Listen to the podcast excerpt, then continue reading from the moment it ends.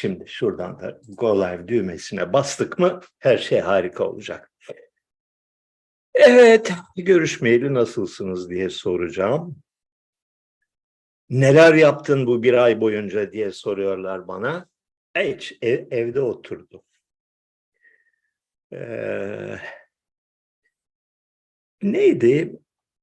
Biraz tembellik, biraz üşengeçlik nedeniyle ara verme ihtiyacını hissettim.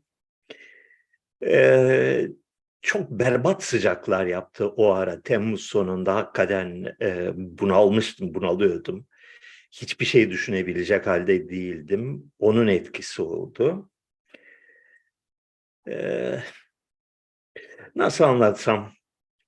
Bu şeker hastalığı berbat bir şey. O da yani günün bir bölümünü böyle knockout olmuş bir şekilde dayak yemiş gibi geçiriyorsun. Onun da etkisini zannediyorum, hissediyorum zaman zaman.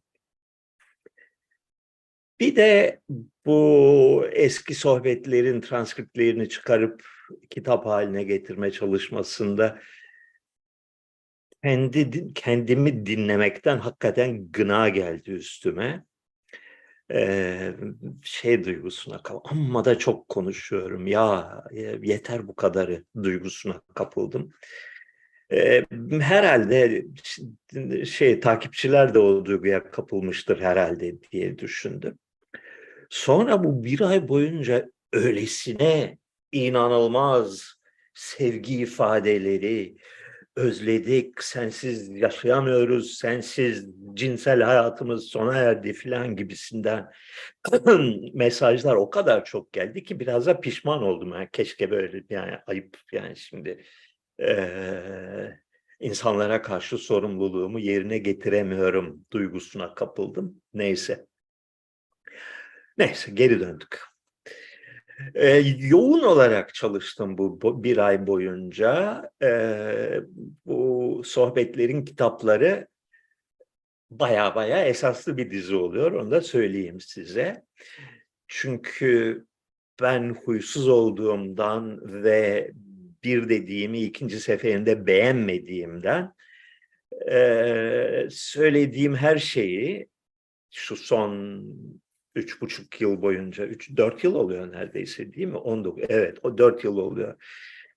Söylediklerimin hepsini düzelttim, düzelttim, yeni malzeme ekledim, argümanı değiştirdim, hatalarımı buldum filan baya baya bir eee, yeni bir malzeme, yeni malzeme çıkıyor epeyce. Onu da söylemiş olayım. Yani biz s- şeyleri, sohbetleri dinledik, kitabı lazım değil diye bir şey geçmesin aklınızdan. Çünkü güzel kitaplar oluyor. Beşinci cildi bitirmek üzereyim. Yarın bitiyor. 300'er sayfalık beş tane cilt oldu. Hepsi bir 10 cilt olacak galiba. Belki de eee 11-12 de olabilir. Birazcık dış malzeme de ekleyince. Yani bildiğin gibi değil. Kütüphanenin bir rafını bana ayırmanız gerekecek. Bunun için de üzgünüm.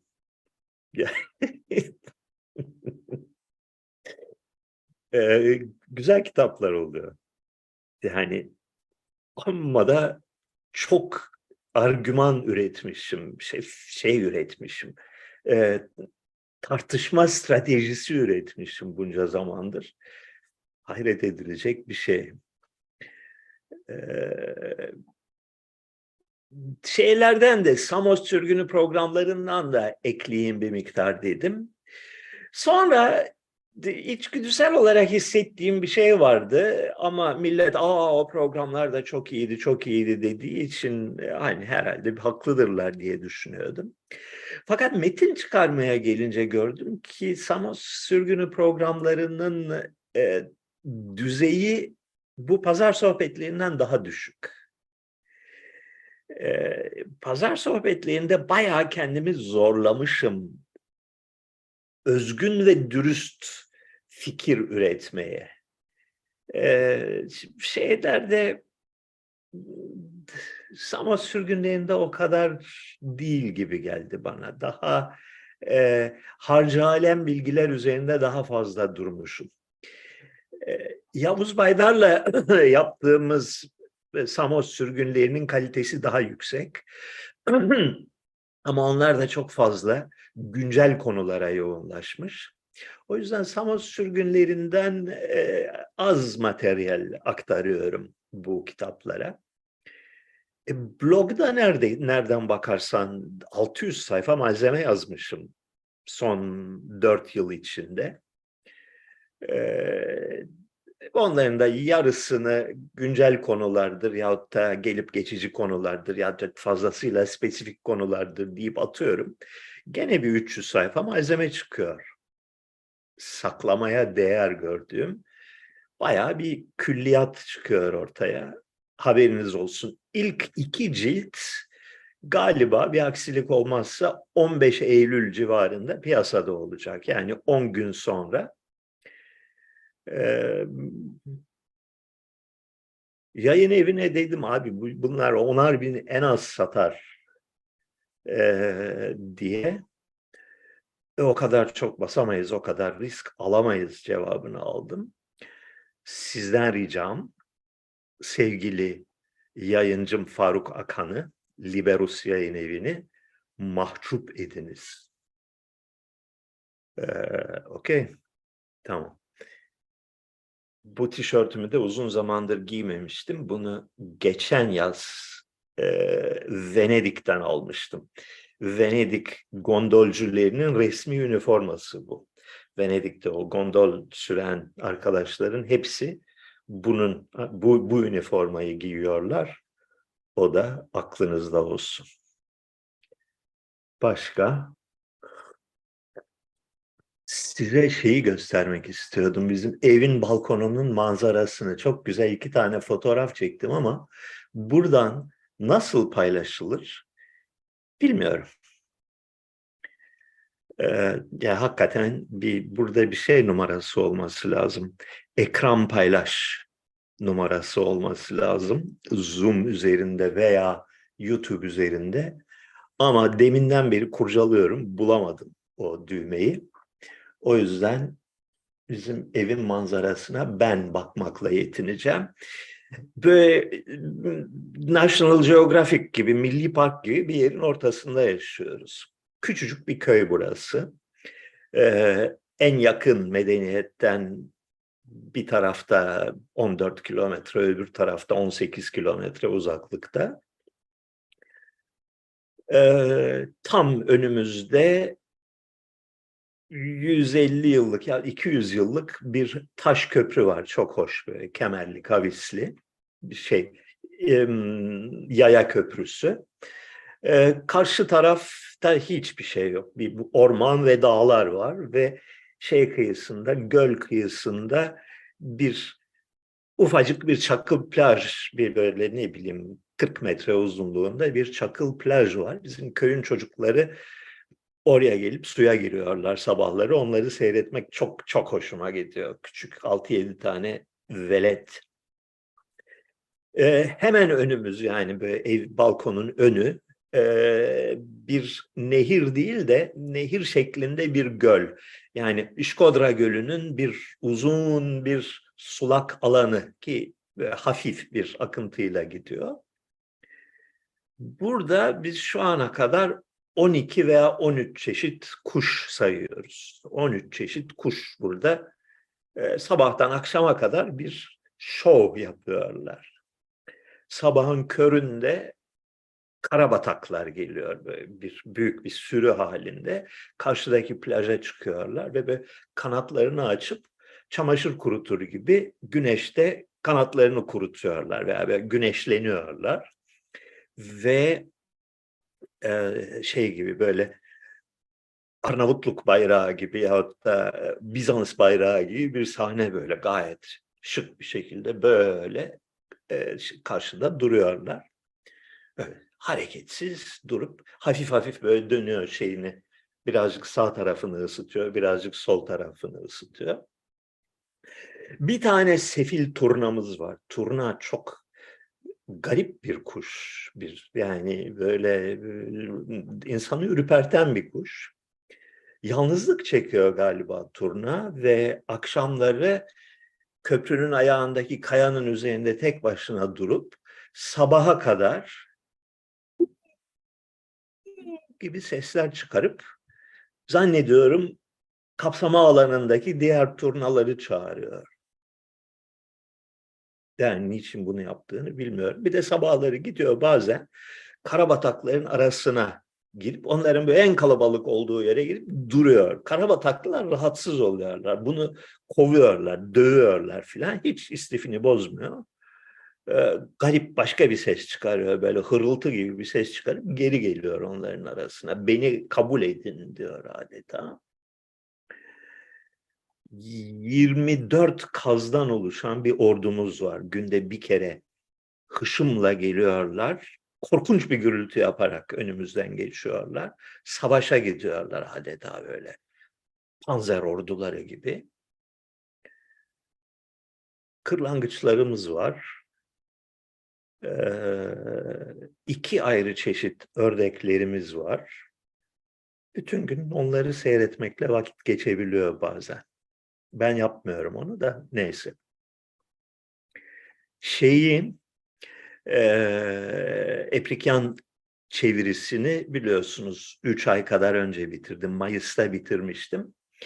Bir gözden geçirmeleri için bu işin üstadı olan bir iki dostuma gönderdim. Onlardan gelen öneriler doğrultusunda daha doğrusu onlar bana bir iki tane yeni kaynak, bilmediğim kaynak e, önerdiler, gönderdiler PDF olarak. E, gene bir yüze yakın, yüzden fazla madde ekledim. 200'e yakın maddeye ek bilgi ekledim. Galiba artık dört dörtlük bir iş oldu. Adı kitabın, Türkçe çevirisinin adı Türkiye'nin Ermeni coğrafyası olacak. Bin sayfalık bir çalışma. Ee, Türkiye'de tarih boyunca ve yakın tarihe kadar Ermeni topluluklarının yaşadığı ve Ermeni tarihinde adı geçenler dahil olmak üzere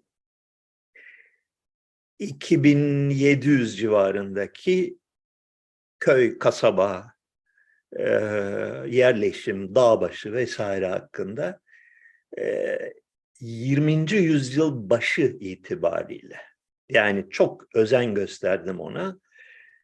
1902-1905 tarihlerinden sonraya ait hiçbir bilgi yok kitapta. O zaman neymiş? Ve o zaman nasıl görünüyormuş? Yani bakış açısı neymiş konusunda tahmin ediyorum ki en azından Türkçe'de bugüne kadar benzeri pek olmayan bir eser oldu. Bir başvuru eseri, bir, bir sözlük sonuç olarak. O da tahmin ediyorum Ekim-Kasım gibi matbaacının başında, önünde olur da hangi birine yetişecekler o da yani editörüme de acıyorum. Ee, Kürşat, Haluk Kürşat Kopuzlu adlı editörüme de e, iş yüklüyoruz.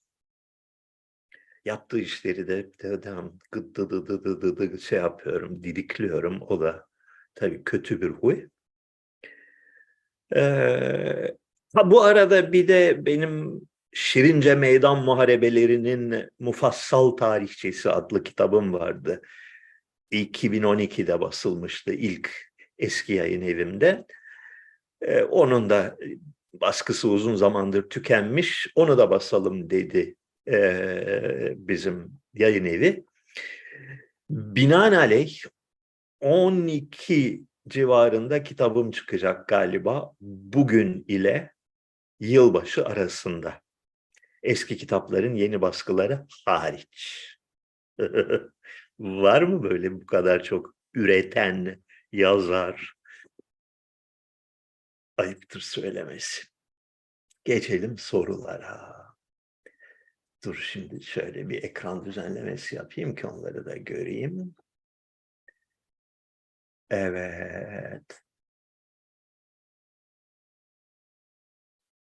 Birisi bizim Şirince'deki bir eee, benim vaktiyle yaptırdığım bir çeşmenin fotoğrafını göndermiş bugün.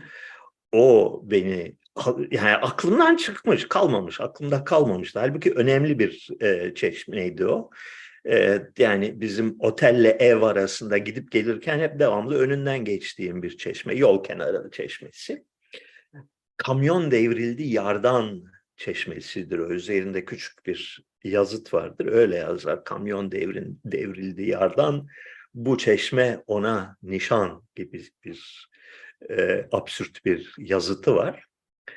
Bunun hikayesini anlatayım size. E, hangi seneydi? 2001 olması lazım. Bizim otelin köşk binası yeni tamamlanmış. Önde avlunun ortasına bir tane fıskiyeli havuz istiyorum. Gittik İzmir'de mermercileri dolaştık. Fıskiyeli havuz modellerini gördük. E, İşler acısı şeyler. Yani sefil e, bir estetiğin ürünü olan e, kötü yapılmış, çirkin şey böyle kasaba zevkiyle yapılmış şeyler. Beğenmedim. Hem de hepsi de uydurma çünkü parça parça yapılıp birleştirilmişler. Ee, konfeksiyon.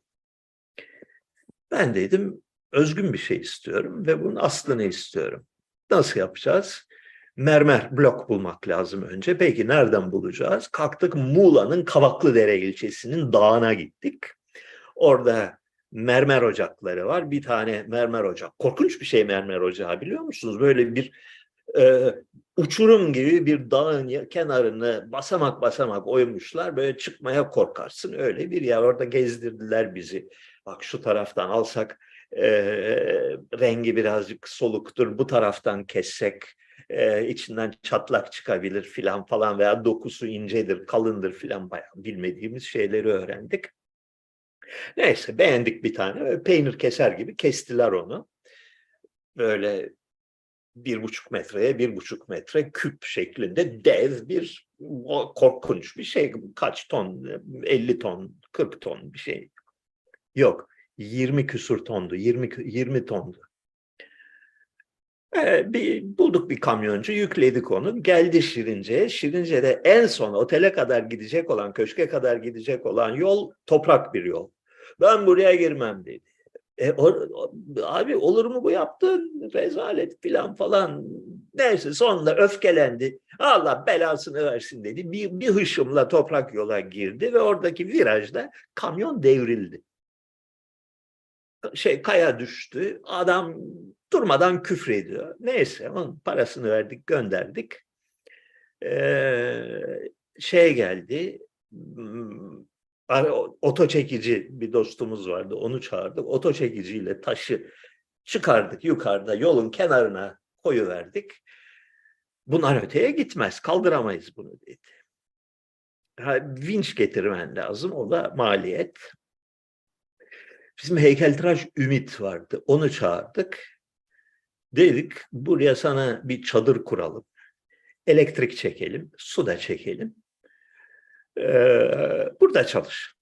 Olur dedi. Başladı çalışmaya. Ne kadar? iki ay mı? Üç ay mı? Öyle. Yani korkunç bir olaydı. Çünkü Ümit sağ olsun iyi bir heykeltıraş. Çok iyi bir heykeltıraş. Sabahleyin çıkıyor. Birazcık çalışıyor. Ondan sonra içmeye başlıyor. Ondan sonra dağılıyor hadise. Hayda ertesi gün. Neyse.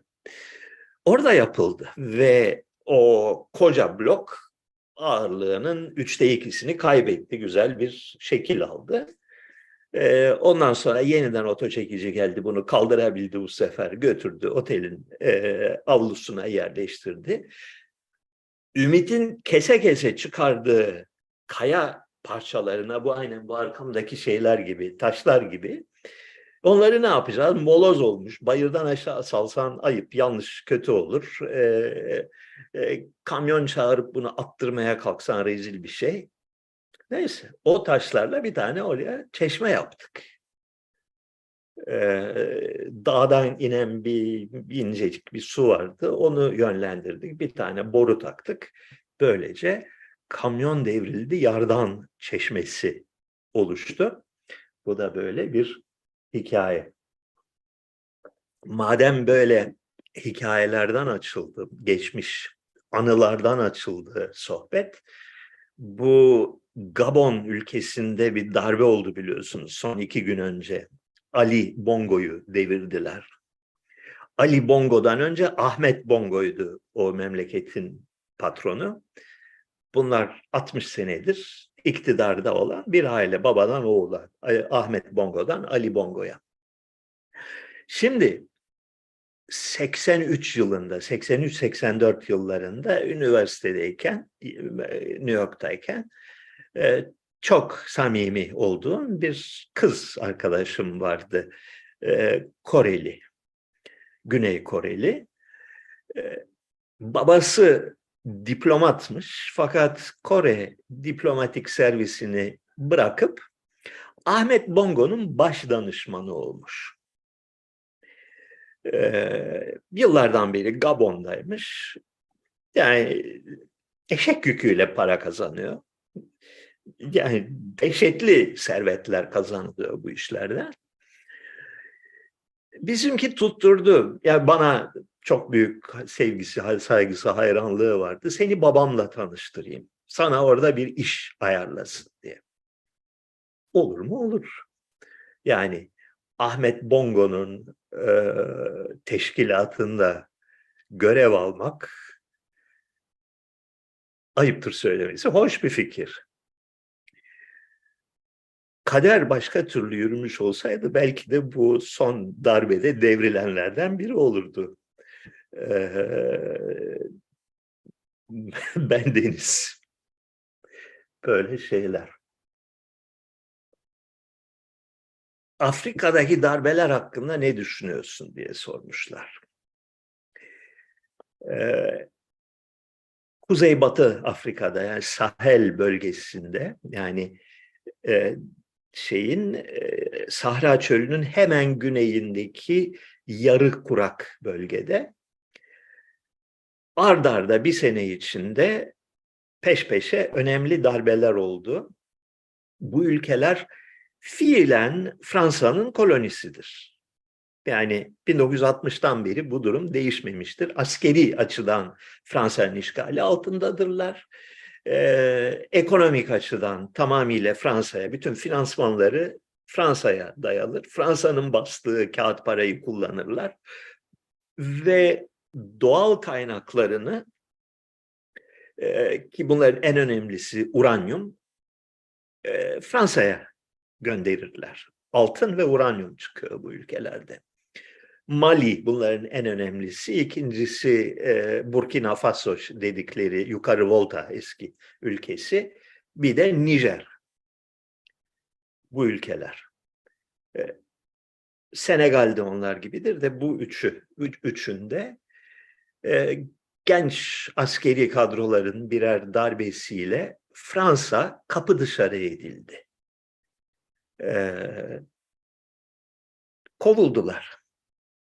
Ve çok rezil bir şekilde kovuldular. Yani Fransa'yı ağır bir e, hasara uğratacak şekilde kovuldular. Ekonomik olarak Fransa çok ağır bir darbeydi buna.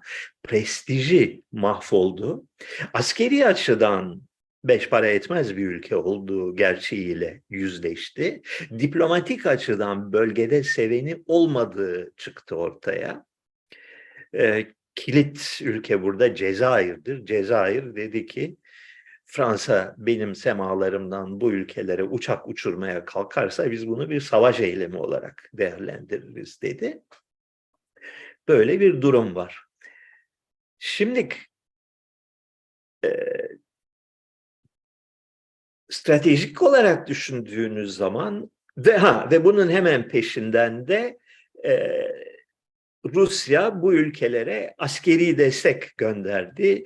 Bu Wagner dediğimiz yarı resmi, yarı özel askeri teşkilat e, Nijer'de e, mevzilendi. savaşa hazırlanıyorlar. Amerikan-Fransız ittifakının desteklediği sahil ülkeleri yani bunların güneyindeki başta Nijerya olmak üzere diğer devletler ECOWAS diye bir teşkilat kurmuşlar. Bu teşkilatla savaş ilan ettik, ediyoruz, ha bugün ediyoruz, ha yarın ediyoruz havasına girdiler. Ee, ciddi bir ihtimalle bir savaş çıkması e, durumu var o bölgede. Bunun Afrika açısından sonucu ne olur? Korkunç şeyler olur. Çünkü o bölgelerde savaşlar e, çok kibar hadiseler değil. Yani oluk oluk kan akar bu işten. Kim kazanır bu savaşları? Artı bu savaşları kim teşkilatladı? Bu açıdan baktığınız zaman çok ilginçleşiyor hadise. Yani Amerika geliyor, Ukrayna'yı karıştırıyor, karıştırıyor, kaşıyor, kaşıyor, kanamaya başlıyor ve savaş çıkıyor. Rusya ne yapıyor? Orada cevap, orada da cevap veriyor şüphesiz. Gidiyor Afrika'da vuruyor Batı ittifakını. Çünkü şöyle bir durum var. Fransa e, elektrik enerjisinin çok büyük bir bölümünü nükleer enerjiden sağlıyor. Almanya'dan farkı bu. Almanya'da nükleer enerjiyi yasakladılar biliyorsunuz. Almanya doğal gazla üretiyor elektriğini. Dolayısıyla bu Ukrayna Savaşı'ndan korkunç bir darbe yedi. Yerle bir oldu Almanya. Ağır bir darbe yedi. Fransa ise nükleer enerjiye yüklendiği için bu krizden o derece şiddetle etkilenmedi. Şimdi Fransa'nın uranyum ihtiyacının üçte birini mi, yüzde kırkını mı ne e, sağlayan Nijer uranyumu kesti. Bunun kararı öyle görünüyor ki e, Rusya'da bütün Afrika ülkelerinin bir konferansı toplandı. Bu darbenin olduğu tarihten üç gün önce, beş gün önce Putin katıldı. Tüm Afrika liderleriyle çeşitli görüşmeler yaptı. Peşinden savaşı Afrika'ya taşıdılar. Helal olsun diyoruz. Çünkü bu savaş önemli bir savaştır. Yani Afrika'daki değil, bütün global olarak gerçekleşen savaş. Dünyanın başındaki en büyük belayı, en büyük tehlikeyi olan globalizm kisvesi altında tüm dünyada e, kurulmaya çalışılan Amerikan hegemonyasını, Amerikan emperyal gücünü kırma savaşıdır. İnsanlık için bir ölüm kalım savaşıdır. Ve bu savaşı Rusya'nın kazanması lazım. Rusya harikulade bir ülke olduğu için değil. Rusya çok cici olduğu için değil. Alternatifi çok kötü olduğu için. Çünkü Amerika Birleşik Devletleri'nin hala bugün bir demokrasi olduğu hayalinden kendinizi kurtarmanız lazım. Vahşi bir diktatörlük tarafından yönetiliyor Amerika Birleşik Devletleri.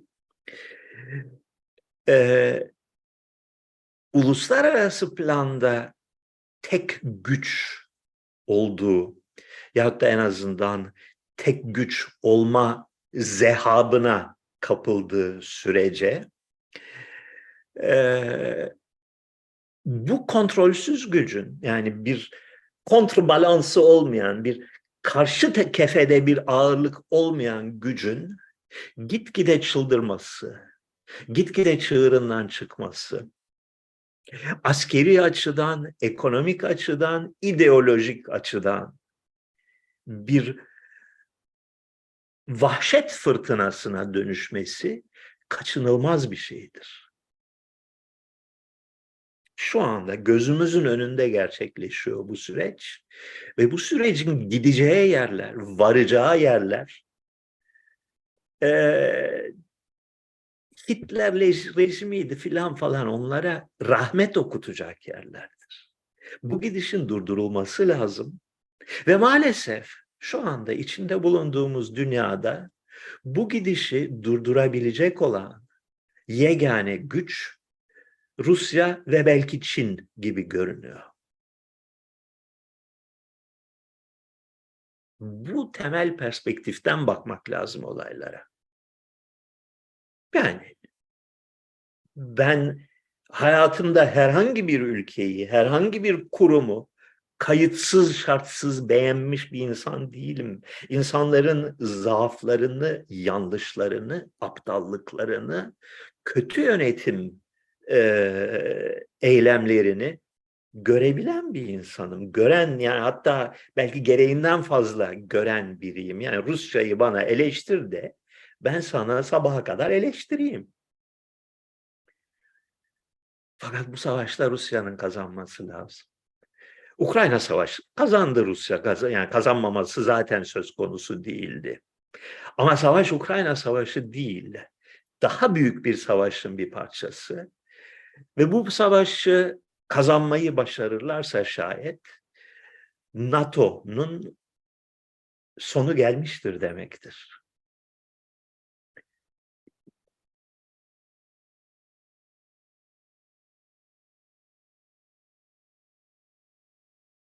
Bakalım başka neler var. Onur Gezer'in Hayaller Sancağı'nın kuru sarhoşları. Osmanlılarda Esrar ve Esrarkeşler adlı araştırma eserini okudunuz mu? Evet, şu an şu an onu okuyorum. Yani yarısını geçtim, az bir şey kaldı bitmesine. Ee, konu çok ilginç bir konu yeterince başarılı mı Onur o kadar emin değilim. Bütün ilginç konulara değinmiş. E, lüzumundan fazla bulanık bir dille akademik dengeyi gözetmeye çalışarak bir şeyler söylemiş. E, kitap yazma tekniğini daha öğrenmesi lazım. Çok genç bir arkadaş olduğu anlaşılıyor. Fakat konular ilginç. Okumaya değer bir kitap. Öyle anlaşılıyor ki yani mesela bu konu kafamda yeterince net değildi fakat şu.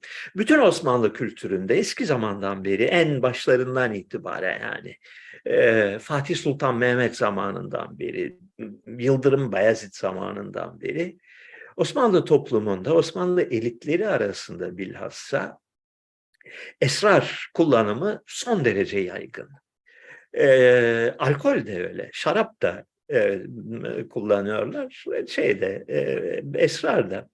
Ve yönetici kadrolar, padişahlar, e, ulema, bilim adamları, tarikat ehli hepsinde de bu e, yaygın bir alışkanlık, kuvvetli bir alışkanlık. Ve şarap bir tarafta şarapçılarla diğer tarafta kurucular arasında bitmez tükenmez bir polemik var. Şu ilgi çekici olan bugün e, esrar konusunda, marihuana konusunda e, yapılan tartışmaların hepsi aynen tüm özellikleriyle o devir 16. yüzyılda da aynı tartışmalar var. Yani bazıları özellikle toplumda marjinal bir tavır takınan e, insanlar, e, rintler, dervişler, derviş tabiatlılar, şairler öve öve göklere çıkarmışlar. İnsanın ruhundaki sırları ortaya çıkardığı için, e, insanın derin hakikatlere ulaşmasını sağladığı için, dostluk ve yoldaşlık duygusunu kuvvetlendirdiği için övmüşler. Hepsi de aynı zamanda bunun e, riskli taraflarına ve insanları e, zaman içinde delirttiği, e, ruh hastalığına yol açtığı gerçeğini de e, itiraf etmişler. tıbbi kullanımını serbest bırakalım, zevk için kullanımı dinen haramdır diyen bakış sık sık duyulmuş.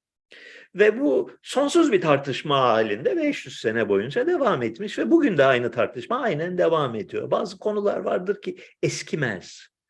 Bu da onlardan biri. Bunu şeyin Onur'un kitabındaki alıntılarda ve özellikle şiir kısım şeylerinde alıntılarında çok e, kuvvetli bir şekilde görüyorsunuz. Ee, tavsiye ederim. Tavsiye. Yani şöyle. On üzerinden yedi verdim ona göre.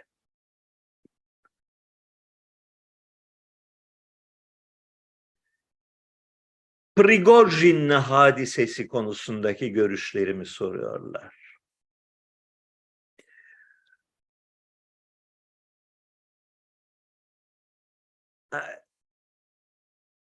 Wagner başkanı Alexander değil mi adı? Alexander Prigojin. Tarihin hiçbir çağında, hiçbir devlette, hiçbir ülkede affedilmeyecek olan bir suç işledi. Rus toplumunun hayranlık duyduğu bir kişi, Ukrayna'daki savaşta çok büyük yararlıkları göründü. Kahramanca savaştılar. Ee, büyük işler başardılar. Fakat bir ülkenin ölüm kalım savaşı verdiği bir e, dönemde kendisine devlet tarafından askeri birlikler tahsis edilmiş, askeri donanım tahsis edilmiş düşmanla savaşması için. Böyle bir komutanın dönüp silahlarını başkente yöneltmesi hangi toplumda olursa olsun vatana ihanettir bunun adı ve sonucu ölümdür. Bunu ahlaken doğru bulduğumu veya yanlış bulduğumu söylemiyorum size. Böyle bir şeyim yok, tercihim yok. Objektif bir şey söylüyorum. Hangi çağda olursa olsun. Schiller'in, Alman e, şair Schiller'in 19. yüzyılda yazdığı Wallenstein isimli bir trajedisi vardır. Oyun iki veya üç e, perdeli. Ta lisedeyken okumuştum ben bunu. Buna benzer bir durumdan söz eder. E, 30 yıl savaşları boyu, boyu döneminde e, İmparator ordusunun yani Avusturya ordusunun başkomutanı olan ve muazzam bir askeri deha olduğu söylenen, bütün Almanya'nın irili ufaklı ülkelerini fetheden ve büyük bir ordu kuran Wallenstein'ın e, düşmanları tarafından köşeye sıkıştırılması, imparatora ihanet kuşkusu altına girmesi ve bir çıkmaz içinde ordusunu başkente yöneltmeye kalkışması ve o, o bunun üzerine bir suikastle öldürülmesini anlatır. Yani burada aslında ihanet etmeye niyeti olmayan bir komutanın objektif şartların getirdiği e, bir durum sonucunda ihanete zorlanması hadisesini izlersiniz ki mesela Kurtuluş Savaşı'nda da Çerkes Ethem hadisesi aynen bunun gibi bir hadisedir. Yani rejimin bir numaralı askeri varlığı olan bir komutan, Yunan'a karşı büyük başarılar kazanmış olan bir komutan ve e, cesur, başıbozuk, deli e, ve rejime sadık olan bir komutan bir dizi kaçınılmaz çelişki sonucunda Atatürk'ün kendisiyle değil fakat komutanlarıyla, İsmet İnönü'yle ve diğerleriyle çatışıp mecbur oluyor Ankara'ya isyan eder bir pozisyona geçmeye. Bu hiçbir rejim bunu affetmez. Ben bunu söyleyince e, o zaman şeyde Ermeni soykırımı da haklıydı gibi idiotça, ahmakça bir takım tepkilerle karşılaştım. Anladığım kadarıyla bir takım e, piç kurularının e, takıldığı bir sosyal medya ortamında paylaşmışlar bunu. Bak Ermeni de kabul ediyor diye.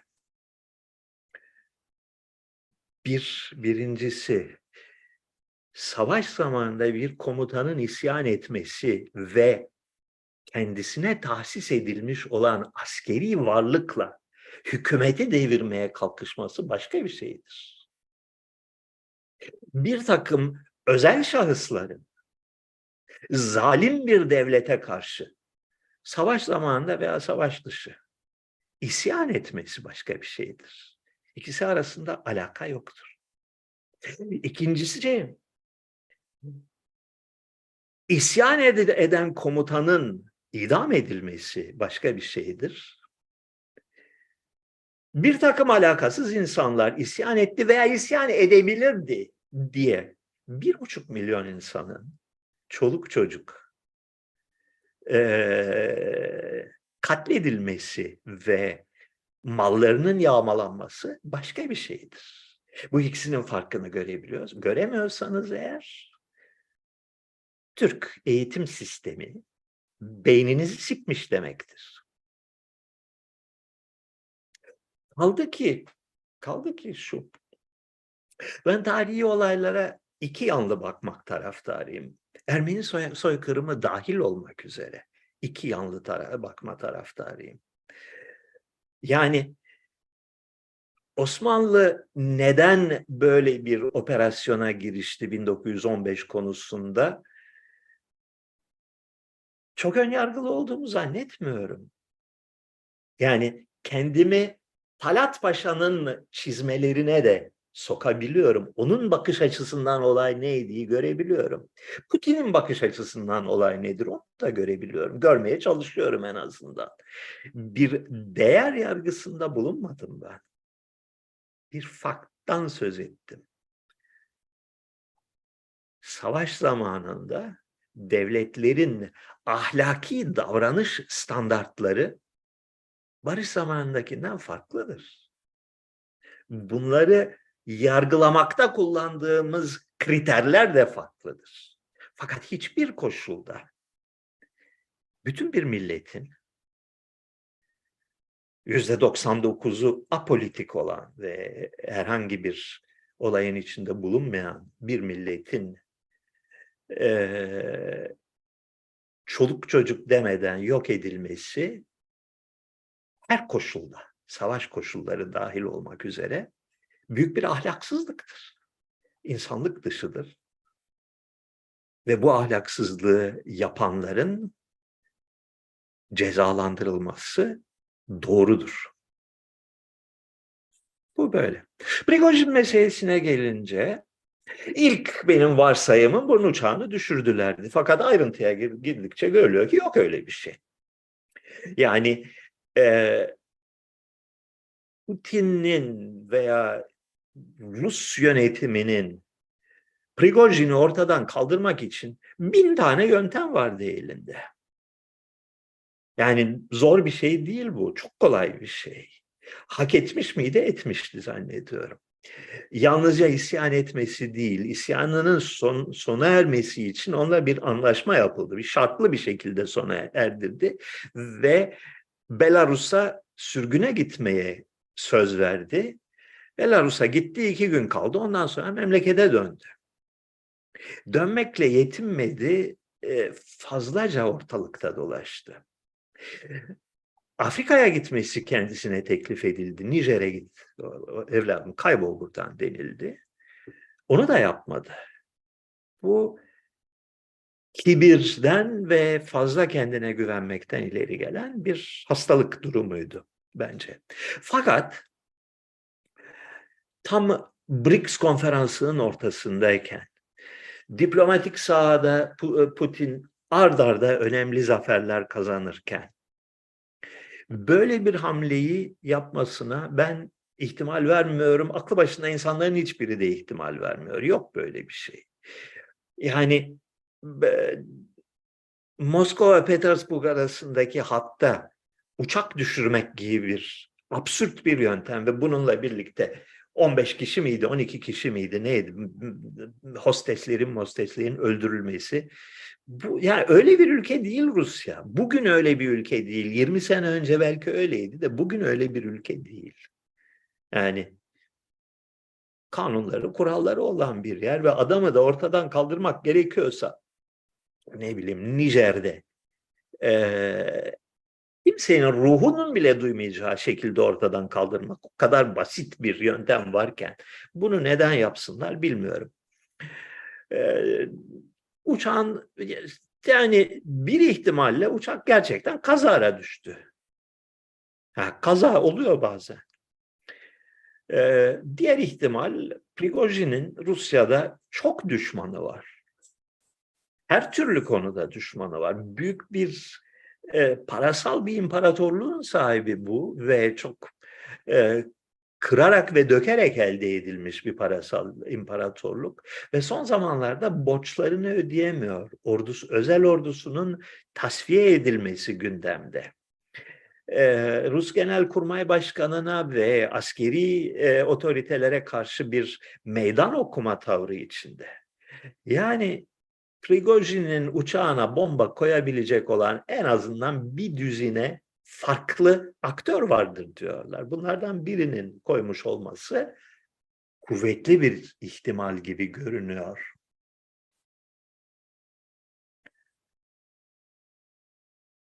Bir arkadaş Sevan Bey, Ermeni Apostolik Kilisesi ile Ermeni Katolik Kilisesi'nin temel itikadi farkları nedir diye sormuş. Ee, Dün değil, önceki gün bunun cevabı cevaben çok kısa bir cevap verdim. Biri Fransız sever, biri Fransız sevmez. O kadar.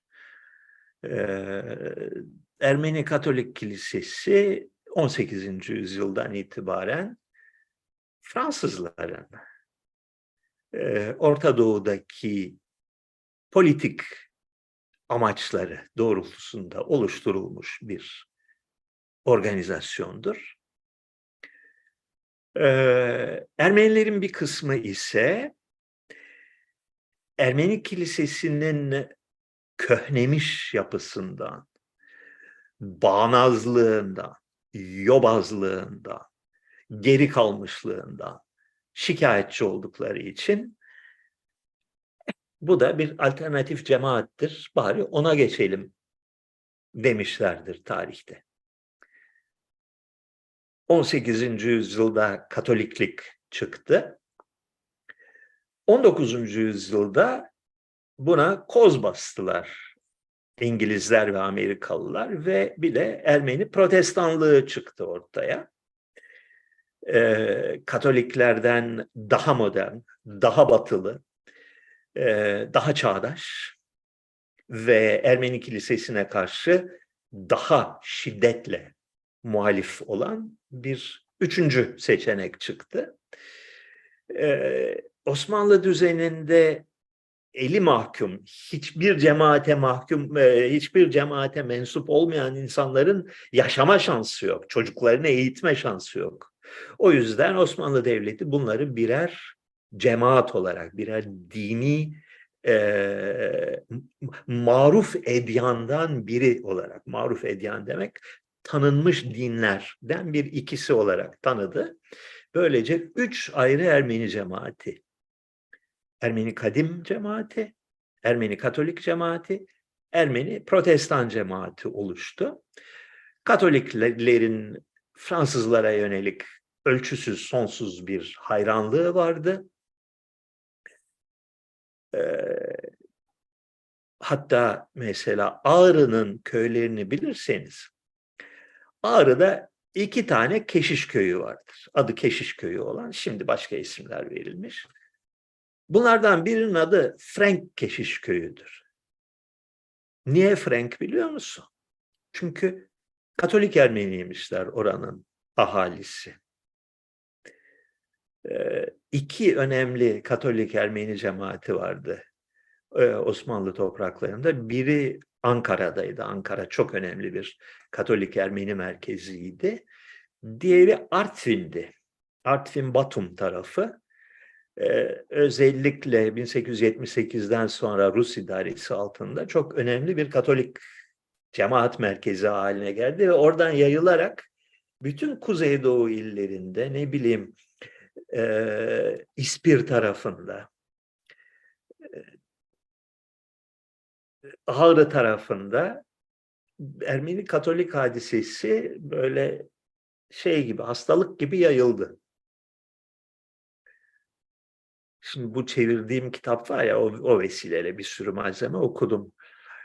Acayip bir nefretle söz ediyorlar Katolik Ermenilerden. Yani hep Ermeni Kilisesi'nin bakış açısından yazılmış e, eserler bunlar. Katoliklerden ve protestanlardan yani dehşetli bir olumsuzlukla söz ediyorlar. Hain bunlar, bayağı bildiğin hain. Karşılıklıdır tabii bu duygular. Neyse. O da öyle. Bununla ilgili dur bakayım başka bir soru sormuştu şurada bir arkadaş. Sivaslı Mıhitar kimdir ve Ermeni tarihindeki konumu nedir?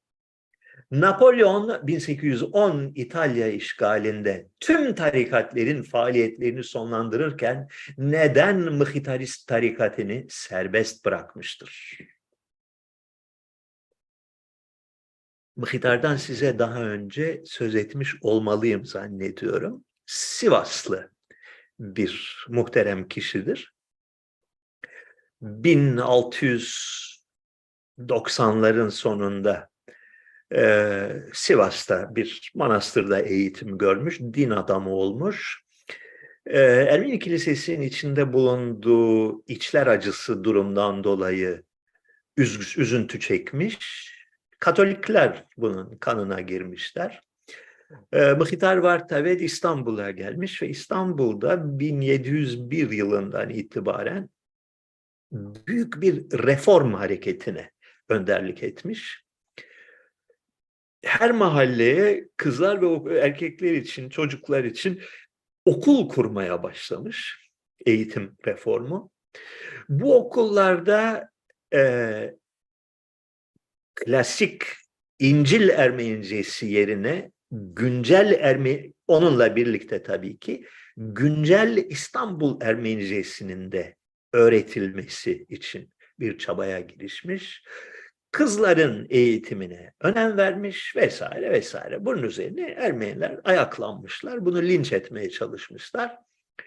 Osmanlı Devleti'ne şikayet etmişler. Bu nifak sokuyor toplumumuza diye. O da oradan kaçmak zorunda kalmış. Gitmiş Modon, Modon veya Koron ikisinden biri şeyin e, Peloponnes'in en güneyinde Osmanlı arazisi o zaman orası. Oraya yerleşmiş cemaatiyle birlikte. Orada bir manastır kurmuş. Sonra e, Venedikliler gelip orayı işgal edince Venedikliler bunu davet etmişler. E, buyur Venedik'e gidelim. Orada sana bir küçük bir yer verelim. Cemaatinle beraber gel, bir manastır kur bizim işimize yararsın. Mıhitar'a e, Venedik'te San Lazzaro denilen küçük küçücük bir adayı. Eskiden burası şeymiş, lazaretmiş, vebalı adasıymış. Vebalıları şey karantina adası bir çeşit. Orada adanın büyüklüğü ne bileyim 80 metre falan öyle bir şey. Yani bir yapı kompleksiyle onun avlusundan oluşan bir adacık. Burada Ermenicesi Surp Gazar, Frans, e, İtalyancası San Lazzaro olan manastırı kurmuşlar. Bu manastır Ermeni kültürünün modernizasyonunda olağanüstü bir rol oynamıştır. Çok büyük bir rol oynamıştır. E, matbaa kurmuşlar ve muazzam miktarda kitap yayınlamışlar her türlü. Yani eski Ermeni klasiklerini çevirmişler, Avrupa klasiklerini Ermenice'ye çevirmişler, Türkçe'ye kitap basmışlar Ermeni harfleriyle. Ee, çağdaş bilimleri e, aktarmaya çalışmışlar. Çok değerli bir yayın evi. Bu bundan 5-10 sene önceye kadar faaldi. Şu anda tatil edildi. Bu. Bir enteresan bir konumu vardır e, Mıhitarist cemaatinin. Teknik olarak İtalya'da olduğu için papalığa bağlıdır. Papa'nın emir ve görüşlerine biat eder. Fakat e, kültürel yaklaşımı ve itikadı ve ibadeti Ermeni Kilisesi'nin itikadıdır. Böyle bir hadise. Napolyon neden bu tarikatı kapatmadı? Bir kere 1810 yanlış tarih. Ee, ikincisi tüm tarikatlerin faaliyetlerini sonlandırmadı. Ee, tüm Avrupa'da, e, Katolik Avrupa'da aslına bakarsan Fransız ihtilalinden bir süre önce, 10-15 sene önce başlayan bir trenddir bu. Önce Avusturya'da başladı. Sonra Fransa e, ihtilalden sonra etkilendi bundan. E, tüm eski manastır ce, cemaatlerini, hepsini olmasa bile çoğunu kapatma, tasfiye etme, mülklerini devlete aktarma konusunda bir büyük bir akım vardır. İlk hedefi bu hareketin Avrupa'da 150-200 yıl boyunca muazzam bir iktidara sahip olan Jesuit, Cizvit deniyor Türkçesi, Cizvit e, teşkilatının lağvedilmesidir ve Cizvitlerin ağır baskıya uğraması, bir kısmının idam edilmesi, Cizvit tarikatının mülklerine el konması tamamen bir FETÖ olayıdır. FETÖ'yü nasıl tasfiye ettilerse Cizvit tarikatını da öyle tasfiye ettiler. Bunun peşinden e, tembelliği teşkil eden çeşitli şekillerde yozlaşmış olan çeşitli tarikatlerin kapatılmasına geldi sıra. Fransiskenlerle Dominikenler yasaklandı. E, Fransız ihtilalinden sonra binlerce buna benzer tarikat e, yasaklandı. E, yaklaşım şuydu, Napolyon zamanına gelince bir miktar yumuşamıştı hadise. Artı İtalya işgali 1799'dan itibarendir. Yani henüz e, devrimci dalganın kuvvetli olduğu bir dönemde gerçekleşmiştir. 1801'de veya 1803'te papalıkla ulaşılan konkordatoyla e, bu baskı dönemi yumuşamıştır, zayıflamıştır. Bunda e, işe yaramaz hale gelmiş olan ve toplumsal faydası görünmeyen tarikatlar e, lağvedilmiştir. Belli ki Mıhitarist tarikatı bunlar gibi görülmemiş, toplumsal faydası olan bir hareket olarak görülmüş. Artı toplumsal faydasından daha ziyade, daha önemlisi şüphesiz diplomatik faydası olan bir teşkilattır. Çünkü Osmanlı İmparatorluğu hasta adamdır. Ee, çöküş halindedir. Tüm hücreleriyle çürüme belirtileri göstermektedir. E, büyük dede ölüm döşeğindeyken ne olur? Olası mirasçılar başına birikirler. Çeşitli ayak oyunlarıyla birbirlerini ekarte etmeye çalışırlar. Ve günü geldiğinde e, dedenin mirasını nasıl paylaşacaklarını çözmeye çalışırlar. Ve böyle bir hesabın içinde şüphesiz Avrupa'daki, Batı Avrupa'daki en önemli Ermeni kurumunun ve Osmanlı Devleti içinde de çok önemli bir kültürel rol oynayan bir kurumun e, el altında bulundurulmasında fayda vardır. Değil mi?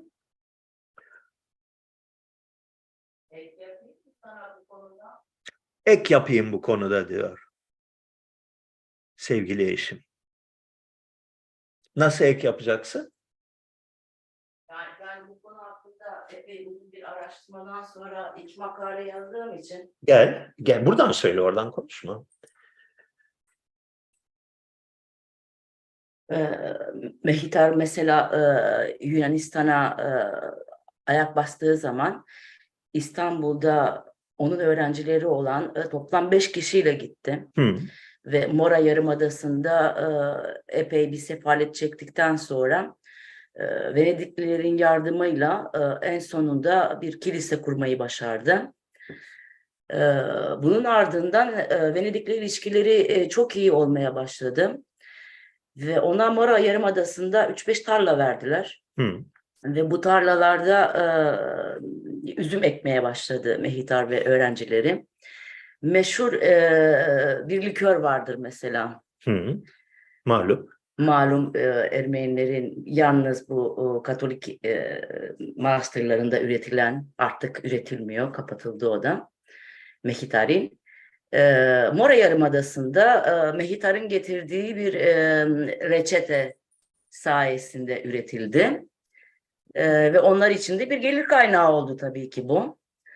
E, inşa ettikleri e, e, kilise onlara küçük geldiği için bir manastır inşası başladılar. Fakat o dönem Osmanlı More'ye ayak bastı. Ve Mehitar e, Ha, e, tabii ben ters söyledim demek. evet Ters söyledim. Tabii e, 16 1686'da Venedik orayı aldı. 1715'te Osmanlı geri aldı orayı. geri aldı. Ee, Osmanlı'nın e, ayak bastığı ilk yer olan zaten kale içindeydi Mehitar'ın da kilisesi. Mehitar'ın kilisesi oldu ve derhal bu camiye çevrildi. Ee, Mehitar apar topar ilk Venedik e, gemisiyle kendini e, Venedik'e attı. Fakat öğrencileri orada kaldı. Ha, Ee, amacı öğrencilerini de derhal e, Venedik'e getirmekti. Binbir çaba sonrası öğrenciler de Venedik'e gitti. Ee, aradan 5-10 sene geçtikten sonra öğrenciler tekrar geri dönüp bıraktıkları kiliseden e, kitaplarını almak istediler. Fakat e, harabelerle karşı karşıya geldiler. Ve uzun bir müddet Venedik'te e, Papa'dan izin beklediler bu tarikatın e, resmiyete kavuşması ve onlara bu o, küçük adanın verilip orada büyümelerini sağlamaları için. Bayağı bekledi e, Mehitar e, Venedik'te. Öyle hemen e, buyur sana bu adayı verdik. film yapmak lazım bundan mesela. Ve e, Katoliklerle e, öbür Ermenilerin arasındaki bu büyük e, nefret mi desem e, İstanbul Patriği e, Avedik'in ölümü ardından e, Mehitarların da var olduğu söylenir. Çünkü İstanbul Patriği e, Avedik ta Fransalara kadar kaçırıldıktan sonra ve orada ölümle karşı karşıya geldikten sonra e, bu nefret de daha da büyüdü. Evet. Neler öğreniyor insan? Ee, bir üstelik bilgi kaynağı bu kadar yakınken. Evet. Mesela Disney bunun da filmini yapsa ne kadar ilginç olur değil mi? Evet arkadaşlar. Mütercim ve tercüman dile farklı zamanlarda mı girmiştir? Anlamları aynı iken mütercim tercüman tamlaması nasıl ortaya çıkmıştır? Mütercim de tercüman da eee, muhtemelen Türkçe'ye giren en eski Arapça kelimelerdendir. Yani şimdi tam hatırlamıyorum ama 14. yüzyıl Türkçesinde kesinlikle var olduklarından eminim büyük bir ihtimalle 11. yüzyıl Türkçesinde de vardır. Herhangi bir dilde ilk en yaygın e, bir şekilde kullanım alanı bulacak olan kelimelerden biridir ikisi de. E, kökenine baktığın zaman bu kelime e, Arapçadan çok öncesine gider. Aramice'de eski zamandan beri var. Daha önce Asur dilinde hem de geç Asur değil, erken Asur dilinde. Yani milattan önce 1900'lerde e, Targmannu şeklinde Hitit belgelerinde de geçiyor. Yani o e, Kayseri yakınında Kaneş kolonisi vardı da orada Asurluların bir ticaret kolonisi vardı. Hitit devletiyle ilişki içindeydiler ve bunların arşivleri bulundu e, modern çağda. Orada geçen bir kavram Targmannu. Targuman, G harfi, G sesi e, eski Akatça'da, Asurca'da ve e, Aramice'de G'dir, Arapça'da C'ye dönüşür. Tercüman. E, Akatça bir kelime olduğu anlaşılıyor. Çünkü Akatça ragamu söz söylemek demek, konuşmak demek. E, Targumanlu da o dilin gramerine göre e, konuşan anlamına gelen bir şey. Mütercim tercüman absürt bir tamlama. Modern çağın cehaletinin ürünü diye e, tahmin ediyorum değerlendirmek daha doğru olur. Çünkü mütercim zaten tercüman demek. Tercümanla mütercim eş anlamlı kelimeler. Ee, bir ayrım yapılması gerekmiş. Tam olarak mütercim tercümanın anlamı nedir bilmiyorum. Yani e, resmi bir sıfat anladığım kadarıyla ama e, alelade tercümandan farkı nedir bilmiyorum. Önümüzdeki 10 sene içinde ortadan kalkacak bu meslek biliyorsunuz. Çünkü e, otomatik çeviri hadisesi aldı başını gidiyor. Mesela bu, bu sohbetin altına İngilizce live altyapı ekle, e, ekleme imkanı var. Altyazı ekleme imkanı var artık. Bir ara onu da yapacağız herhalde. Bu arada unutmadan söyleyeyim. Ee, bütün bu eski sohbetle, pazar sohbetleri arşivini elden geçirirken e, şu gerçi bir takım şeylerle karşılaştık. Hem eski videoları bayağı bir derleyip toparlayıp ne bileyim dakikalarını düzgün bir şekilde yazma çabasına giriştik. Bir yandan da İra harıl harıl ona çalışıyor. Bunların e, parçalarını yani her bir konu başlığını ayrı ayrı videolar haline getirip ayrıca yayınlamak ve bu vesileyle de e, bütün eski arşivi e, sadece e, paralı müşterilere açmak gibi bir kötü niyetimiz var. Yani bu canlı sohbet hala herkese açık olacak. Ondan sonra mesela iki hafta kadar herkese açık kalacak. Fakat eski arşivi istiyorsanız yani ne yapayım? Bir şeyler yapmanız lazım. Ya da ya da bu e, kitaplar çıktığında o kadar çok alacaksın, o kadar çok satacak ki kitaplar e, başka paraya ihtiyacımız kalmayacak. O zaman bu dediğimi yapmayabiliriz bilmiyorum. Ama o da bayağı uğraştırıyor. Bir de şimdi elde böyle 200 tane falan şey birikti. Ee, parça video yani belli bir konu üzerinde 5 dakikalık, 10 dakikalık, 8 dakikalık videolar. Bunlara bir kapak yapmam lazım. Bir yani böyle seven nişanyan, pazar sohbetleri, konu gibisinden bir şey geçmesi lazım üstünden. Uf, ne kadar çok şey var öğrenecek hayatta. O kadar zor ki bunların hepsini birden öğrenmek. Neyse. Keşke birisi yapsa bunları bizim için duygusu geçmiyor değil içimizden.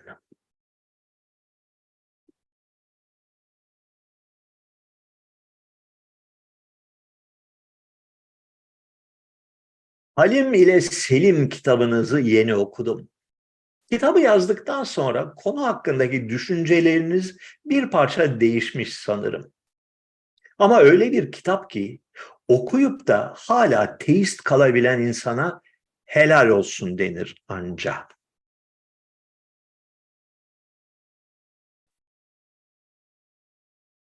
Düşüncelerim değişti mi zannetmiyorum.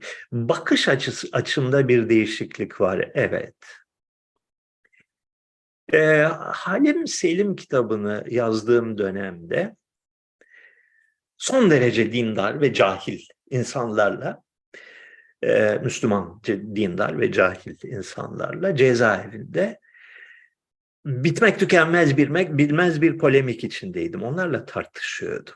Onların inanç dünyasıyla cebelleşmeye çalışıyordum. Ee, şöyle oldu. O kitabı tam bitirmeden cezaevinde, cezaevinden çıktım, Samos'a gittim. Ondan sonra o kitabı hakkıyla tamamlama arzusu söndü içim, içimde. Yani yazmışım bir şey, onu temize çektim. Ee, niyetim ilk baştaki inanç ve akıl tartışmasından ve onu izleyen inanç ve vicdan, inanç ve ahlak tartışmasından daha öteye gidip e, din ve toplum meselesi üzerinde daha kapsamlı olarak durmaktı. Fakat üşendim, yeter bu kadarı dedim ve yayınladım o kitabı. Zamanla son 3-4 sene içinde kafama daha net olarak dank eden bir gerçek var. Din bir inanç meselesi değil arkadaşlar. Ee, bunu bir iki defa bu programda ayrıntılı olarak size anlatma fırsatını buldum. Din bir toplum yönetimi hadisesi. Bir cemaati oluşturan ve onun belirli kurallar içinde yaşamını sürdürmesini sağlayan bir mekanizma. Ee, her şeyden önce bir kültürel otorite sistemi. Yani hangi görüşler bu toplumda e, kabul görecek, hangileri e, deyip reddedilecek. Bunu belirleyen bir sistem. Toplumdaki toplumsal müzakerenin, toplumsal ahlaki konulardaki tartışmanın zeminini ve malzemesini oluşturan mitleri sağlıyor. Yani e, din bir dizi öykü içeriyor, bir dizi hikaye içeriyor çeşitli değerli ve değersiz insanlara dair. Bu hikayeler sizin gündelik yaşamda, hayatın zor anlarında, başka insanlarla tartışmalarınızda ve kavgalarınızda size emsaller sağlıyor. Bir bir palet sağlıyor. Bunlarla tartışıyorsunuz. Bunlarla kavruyorsunuz insanlar dünyasını. Artı bunun üzerine din size bir günlük, haftalık ve yıllık yaşam programı sunuyor. Yaşam ritminizi belirliyor. Hep beraber sabahları şu işi yapıyorsunuz. Hep beraber haftada bir şu işi yapıyorsunuz. Hep beraber yılın belli günlerinde belli şeyler yapıyorsunuz. Bunun ötesinde insan yaşamının dönüm noktalarında doğum, izdivaç, çocuk doğurma, ölüm bu noktalarda bu hadiseleri toplumsallaştırma görevini alıyor din. Yani sizin ölümünüz veya çocuk doğurmanız sizden başka kimseyi ilgilendirmeyecek bir özel olay olmaktan çıkıyor, topluma ait bir şey oluyor. Sizin bir kimse, kimseyle yatmaya karar vermeniz veya hayat boyu yatağınızı paylaşmaya karar vermeniz toplumun tanıklığında ve toplumun onayıyla gerçekleşiyor din vasıtasıyla. Yani sizin biyolojik yaşamınızın dönüm noktalarına anlam yüklüyor. Bir sosyal bir anlam yüklüyor din. Böyle fonksiyonları var. İnanç kısmı bu işin çok küçük bir parçasıdır. Yani eee, dinin hikayelerinden hiçbirine inanmasanız da o dinin bir parçası olabilirsiniz. Yeter ki ne bileyim eğer Müslümansan namazını kıl, bayramlarda gerekleri yap. Eee işte nikahınla cenazen belli usullere göre olsun. Dilin, eee, insanlarla konuşurken kullandığın misaller ve mese- meseller o dinin onayladığı meseller ve misaller olsun. Yeter bunlar dindar olmak için. Şimdi, olaya bu perspektiften baktığın zaman Halim ve Selim'e bir o kitap kalınlığında bir bölüm daha eklemen lazım. Onu da bir sonraki hayatımızda belki yaparız.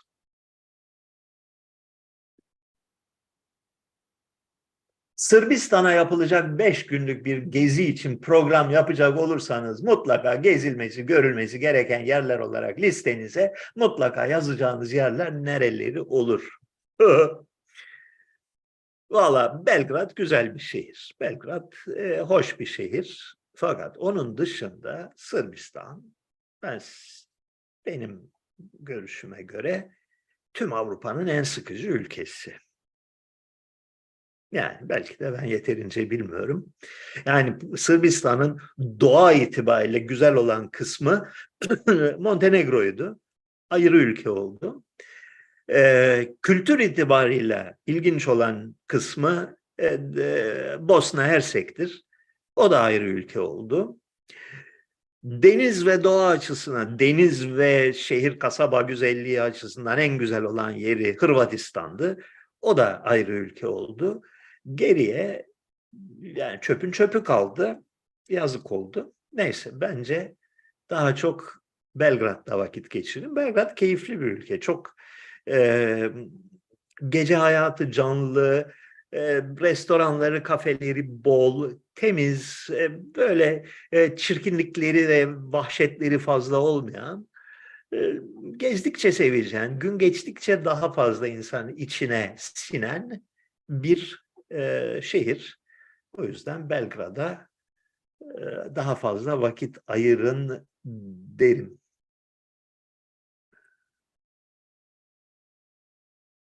Trump mahkemelerinden söz etmemi istemişler arkadaşlar. Olay ortada yani tartışacak bir hadise yok. Ee, Amerika'nın başında bir gangster çetesi var şu anda. Aslına bakarsanız 2000'den 2001'den beri adım adım iktidarı tamamen eline geçirmiş. Hukuk mukuk tanımayan bir zorba teşkilatı var. Ee, başlarda daha çekingendiler. 2020'den bu yana Biden Cumhurbaşkanlığı altında açıkça bir Nazi rejimine doğru e, evriliyor Amerika Birleşik Devletleri. E, başlıca muhaliflerini e, mahkum etmeye, hapse atmaya çalışmaları bunun mantıki bir devamıdır. E, bir diktatörlük bugün Amerika Birleşik Devletleri. Bunu içinize sindirmeniz lazım. Böyle bir gerçekle karşı karşıyayız. Ee, Trump matah bir adam mıdır? Bence değildir. Trump'ın akılsız bir insan olduğunu düşünüyorum. Ee, ahlaksız bir insan olduğunu düşünüyorum. Dört yıllık iktidarı boyunca da hiç doğru dürüst bir şey başaramadığı kanısını taşıyorum. Yani yakın dönem Amerikan e, başkanları arasında yeni bir savaş başlatmayan tek e, başkan olması takdire şayan bir şeydir. Bazı konulardaki tavırları doğrudur. Ben şahsen büyük bir ihtimalle 2020 seçimini Trump'ın kazanmış olduğunu fakat sahtekarlık yoluyla bunun elin zapt edildiğini düşünüyorum. Bundan sonraki seçiminde dürüst bir seçim olacağına dair en ufak bir belirti yok ufukta. Ben bir arkadaş sormuş bunu öldürürler mi filan diye. Ne gerek var ki öldürmelerine? Yani ş- şey eee, seçim sonucunu garantilemişsen eğer, yani sen seçim sonucunu öyle ya da böyle seçimi kendi adamına kazandıracaksa öbürünü ortadan kaldırmanın ne faydası var ki? Kime ne faydası var? Hapse atarsın. Ee, aynen Julian Assange'a attıkları gibi ölünceye kadar hapiste tutarsın, çökertirsin, iş e, imparatorluğunu yıkarsın, gerekirse oğullarını da içeri atarsın. Sivrisinek. Ee, kolay olan yöntem bu. Ne lüzum var ki suikaste? Suikast 1960'ların modasıydı. Sonra baktılar çok sofistike bir yöntem değil. Vaziyetler böyle arkadaşlar. Benden bu kadar. Ne olmuş? 1 saat 23 dakika olmuş. Sizlere çok güzel bir gün diliyorum, güzel bir hafta diliyorum. Haftaya pazar günü yeniden görüşürüz diye ümit